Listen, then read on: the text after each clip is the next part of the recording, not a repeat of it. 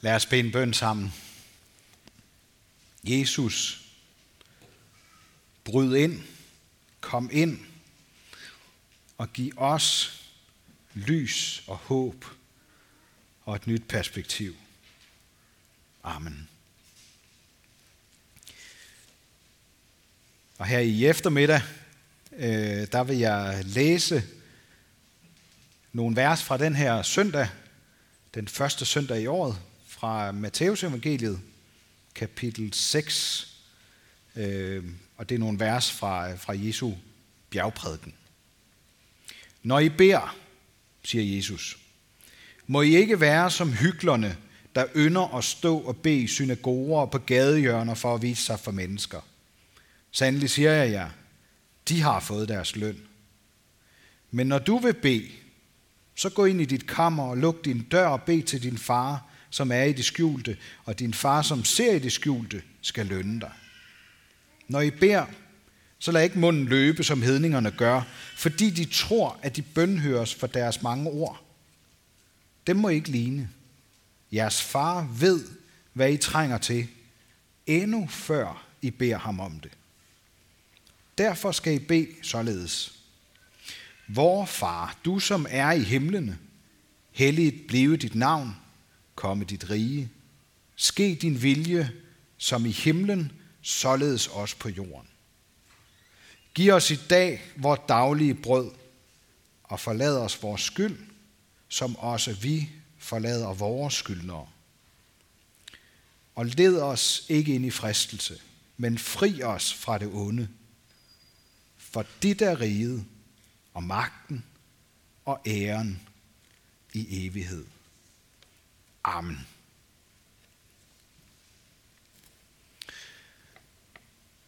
Jeg ved ikke, om der er nogen af jer, der har tænkt tanken, er der egentlig sket noget nyt nu, hvor det er nytår?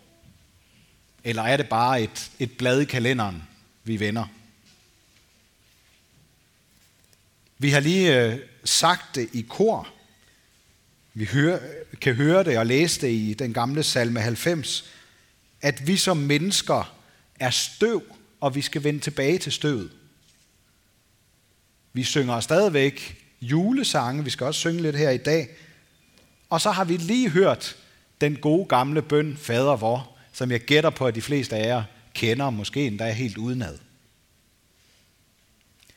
Hvor er det, vi skal finde det nye henne? Det tror jeg, vi skal paradoxalt nok ved at vende tilbage. Vend tilbage til lyset, som er temaet for gudstjenesten her i dag. Og det skal simpelthen helt enkelt være min pointe i prædikenen. Vend tilbage til lyset. Vend tilbage, som Jesus siger det, til dit kammer. Der, hvor vi har ro til at bede til Gud om at vende tilbage, sådan som Moses gjorde det for næsten 4.000 år siden. Og jeg har tænkt, at det ikke var så tosset et sted at begynde det nye år med at følges lidt med Moses, der om nogen mennesker kender til det at vende tilbage.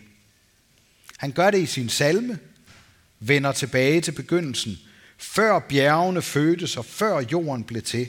Og han gør det tydeligt for os, at vi er mennesker og støv, og Gud er fra evighed til evighed. Og måske er vi nogle stykker også herinde, der har brug for at vende tilbage til det udgangspunkt. Gud er Gud, og vi er mennesker. Moses han fik sin erkendelse på den hårde måde. Som ung, der stod han og så på, hvordan en af hans landsmænd var oppe og slås med en Ægypter. Og Moses, Moses kunne ikke beherske sig. Han blev så vred, at han slog Ægypteren ihjel. Han overskred grænsen mellem Gud og mennesker. Ligesom Ægypterne dengang systematisk slog hebræernes drengebørn ihjel ved fødslen, for at begrænse deres antal. Og så var Moses en undtagelse, ligesom Jesus. For alle andre drenge på deres alder blev slået ihjel, fordi en konge troede, han havde guddommelig ret til at gøre, hvad der passede ham. Både Moses og Jesus måtte flygte ud af landet for ikke at blive slået ihjel af kongen. Men de vendte også tilbage begge to. Moses til Ægypten og Jesus fra Ægypten. Nytårsdag, det er sådan en oplagt anledning til at tænke over, hvad vi skal flygte fra, og hvad vi skal vende tilbage til. Er der noget i vores liv, der får os til at tro, at det er os, der bestemmer, hvad der er bedst og rigtigst? Måske på sådan en måde, at vi ikke længere lytter til Guds vejledning. Er vi blevet ligesom alle andre, så vi ikke længere selv kan se den store forskel? Er det tid til at vende tilbage til Guds ord? Er der blevet støvet på vores kammer, fordi vi ikke længere bruger det med at være sammen med Gud i en rum? Er det blevet tid til, at vi vender hjem til vores himmelske fars hus og nærvær? Moses han levede i mange år langt væk fra Ægypten, hvor han blev gift, passede sit arbejde og stiftede familie. Og måske har det ligget som sådan en tanke eller et ønske, at han en dag ville vende tilbage. Men den ene dag tog den anden, og med alle mulige vigtige og spændende udfordringer og muligheder, sådan så han til sidst ikke længere kunne kalde sig en ung mand. Heldigvis så er det ofte sådan, når vi glemmer alt om Gud, så vender han tilbage til os og overrasker os med indskydelser, tanker, ord, sange, billeder eller gennem andre mennesker. Nogle gange gennem en oplevelse, der bliver skældsættende for os. Her i øh, den senere tid, der er jeg flere gange og på flere måder blevet mindet om, hvor vigtige vores nære relationer er. Og jeg tror, der er en direkte sammenhæng mellem, hvor ærlige vi er over for Jesus, og i virkeligheden over for os selv, og så hvordan vi har det med vores nærmeste relationer. Måske er der også nogen af os, der skal invitere nogle mennesker lidt tættere på. For når vi snakker om nære relationer, så kan det være jo nogen, vi har. Men det kan også være nogen, vi måske får i løbet af det her nye år. Det vil jeg meget øh, stærkt opfordre til, at vi gør, også her i kirken. Fordi det har vi brug for, og det har dem, vi nærmer os, brug for. Det er bare alligevel sådan, at lige meget hvor tæt vi bliver med andre, så vil der altid blive ved med at være en ensomhedsfølelse tilbage, der ikke kan slukkes af andet end det mest overraskende og guddommelige, der findes. Det, at Gud vender tilbage til os. Når vi ikke finder ind i kammeret, hvor Gud kan tale med os, og vi kan bede til ham, så kan han overraskende nok møde os lige der, hvor vi er, og gøre det sted, vi er, helligt. Mens Moses var på arbejde, så så han pludselig en busk, en tornebusk, der brændte, og så blev han nysgerrig og blev rykket ud af sine hverdagstanker. Og Da han så kommer tættere på, så ser han, at busken ikke tager skade af flammerne, sådan som planter normalt fortærer sig ild. Så undrer han sig og falder på knæ, og så hører han en stemme sige, at den jord, han står på, er hellig. Så bliver han bedt om af stemmen at tage de sandaler af, som han altid gik med, og som var slidt og formet af hans fødder, og som skabte forbindelse til den jord, han kaldte sit hjem, og som gav ham mad på bordet. Gud, stemmen, bad ham om at vende tilbage til det land, han havde forladt. Ikke i sine egne sandaler, for Gud ville fortælle ham, hvilken vej han skulle gå. Der var ikke noget kammer eller rum derude i ørkenen, i ørkenens bjerge, men der foran tornebusken var der et rum, der var mere intenst og varmt end den hyggeligste stue, vi kan forestille os. Et helligt rum med forbindelse til himlen, hvor Gud er Gud og vi er mennesker. Hvor alle vores sønder, synlige og skjulte, ligger åbent fremme i Guds ansigtslys. Og hvor vi underligt nok ikke fortæres af Guds hellige vrede som græs, fordi Gud viser os medlidenhed og lader straffen ramme sig selv, sin egen søn, i stedet for os. Det er intet mindre end det kammer, Jesus opfordrer os til at gå ind i. I Guds hellige nærvær, som han selv har indrettet til os med sin fødsel, død og opstandelse.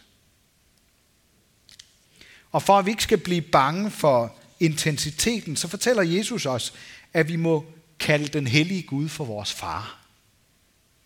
For han vil regne os for sine børn, og han har adopteret os ind i sin familie gennem dåb. Og det er faktisk også derfor, at vi har stillet dåbsfadet op her i aften, og der er en lille smule vand i.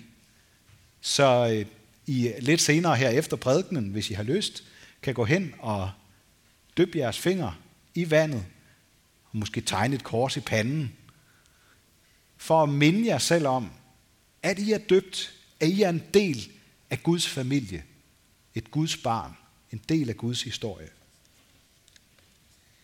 Men ligesom Moses, så får vi også besked om at vende tilbage. Moses han fik den opgave at gå foran sit folk, når Gud ville befri dem fra slaveriet i Ægypten. Vores opgave, ja hvad er det? Det er at vende tilbage til vores danske folk, fordi Gud vil befri dem fra slaveriet under synden og troen på, at vi selv kan skabe lykken. Moses anede ikke, hvad han skulle sige. Han syntes hverken, han havde evnerne eller lysten til det, men Gud gav ham en bror, som han kunne følges med. Og så fik han det, der var brug for, fordi han adlød Gud og vendte tilbage. Gud vil også give dig en bror eller søster, som du kan følges med, når vi beslutter os for at vende tilbage til vores hovedopgave og Guds plan her i det nye år. Han har lovet, at han vil give os, hvad vi har brug for. Også når vi ikke synes, vi har, hvad der skal til, eller mangler lysten til at fortælle om det land, som Gud har lovet alle dem, der følger Jesus. Har vi også her i det nye år brug for at blive mindet om, hvad der er vores primære opgave som kristne? At vi er her for at vise og fortælle om Guds kærlighed og plan om befrielse. Både med det, vi gør, med den måde, vi er på, med vores ærlighed og med vores ord, med vores invitationer og vores smil, lyttende ører, opmundringer. Når vi følges med nogen, det kræver lidt at følges med. Når vi tager mod til at sige noget, som vi egentlig ikke turer. Nytårsdag, det er blevet kaldt julens oktavdag. Altså I ved, ligesom på et klaver, hvor man når den samme tone, hvis man sådan går otte toner op. Øh, og oktaven, sådan rent fysisk, så sker der det, at oktaven den fordobler svingningerne. De der svingninger, som vi hører som, som, øh, som toner, og bygger oven på grundtonen. Og giver i virkeligheden en hel masse overtoner. Nogle af dem kan det menneskelige øre høre, men der er i virkeligheden uendeligt mange af dem. Og, og de allerhøjeste kan vi slet ikke høre. Måske kan vi fornemme nogle af dem. Sådan er det også med julen. den er som sådan en ny grundtone, der minder os om, hvordan det hele begyndte om vores opgave i verden, og den dobler sig og breder sig ud til stadig flere mennesker. I virkeligheden kan man sige, at nu er det jo så den første søndag, ikke? men for hver søndag, vi fejrer, så går vi en oktav opad. Der er simpelthen noget, der spiller sammen. Og julen, det at Gud blev menneske og vendte tilbage til os, det er grundtonen i alle de gudstjenester, vi kommer til at fejre gennem 2024.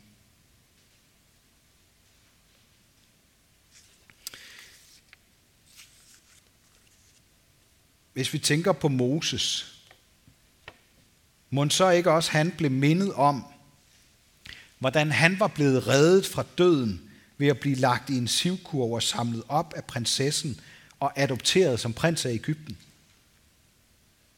På samme måde så blev den lille Jesus lagt i en krybbe som begyndelsen på den redningsplan, som Gud stod bag. Og begge dele kan minde os om, at det hele begyndte med, at vi blev samlet op af Gud og sat ind i hans plan. Med Jesus, der begynder der en ny rejse for hans folk og for alle, der ønsker at følge ham. Jeg har ikke, hvis I lige tænker over det, der, der er nærmest ikke tal på, hvor mange julesange, der vender tilbage til stallen og kryben. Det der sted. Et ganske almindeligt rum, som alle kendte, men som efter julenat blev til noget helt særligt. Hvorfor? Fordi det var dengang Gud vendte tilbage til vores verden.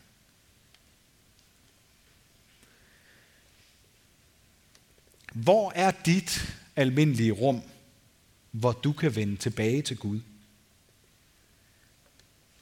Hvor du kan falde på knæ og tilbe og tage hverdagsskoene af og lade Gud vise dig, hvor du skal gå hen. Hvor du kan være sammen med din far og bede til ham og lytte til ham. Hvis du mangler en bror eller søster at følges med her i det nye år, kunne det så være, at du skulle tage mod til dig og spørge nogen? Kunne det måske være, at han ville mindre om nogen, hvis du går ind i det rum, hvor han er? Hvis du savner retning for dit liv, så vend tilbage til det kammer, som Jesus opfordrer os til at bruge. Jeg ved det ikke, men måske er der en pointe i, at Jesus ikke beskriver et bestemt sted, men koncentrerer sig om at fortælle, hvad vi skal sige og bede om, når vi er der. Og måske er der også en mening med, at han ikke fortæller, hvad vi får ud af at bruge det rum. For det er forskelligt for hver enkelt af os, hvad vi har brug for. Men det er den samme gode far, vi møder, når vi går derind. Han ønsker at mætte os med sin godhed, så vi kan juble og glæde os hele vores liv. Det var det, Moses oplevede, selvom det bestemt ikke altid var let at være ham. Han blev gentagende gange, I kan prøve selv at læse efter i, i øh, Mosebøgerne, han blev gentagende gange i tvivl om Guds plan og retning, og måtte gå ind i sit kammer og bede til Gud om hjælp. Bed ligesom Moses Gud om at vende tilbage og styrke dine hænders værk. Han vil nemlig gå med dig hele vejen, også ind i det nye år. Ære være Gud, vores far, der har skabt os i sit billede. Ære være Guds søn, der tog vores straf, så vi kan leve i frihed. Ære være Helligånden, ham, der gør Guds kærlighed levende for os.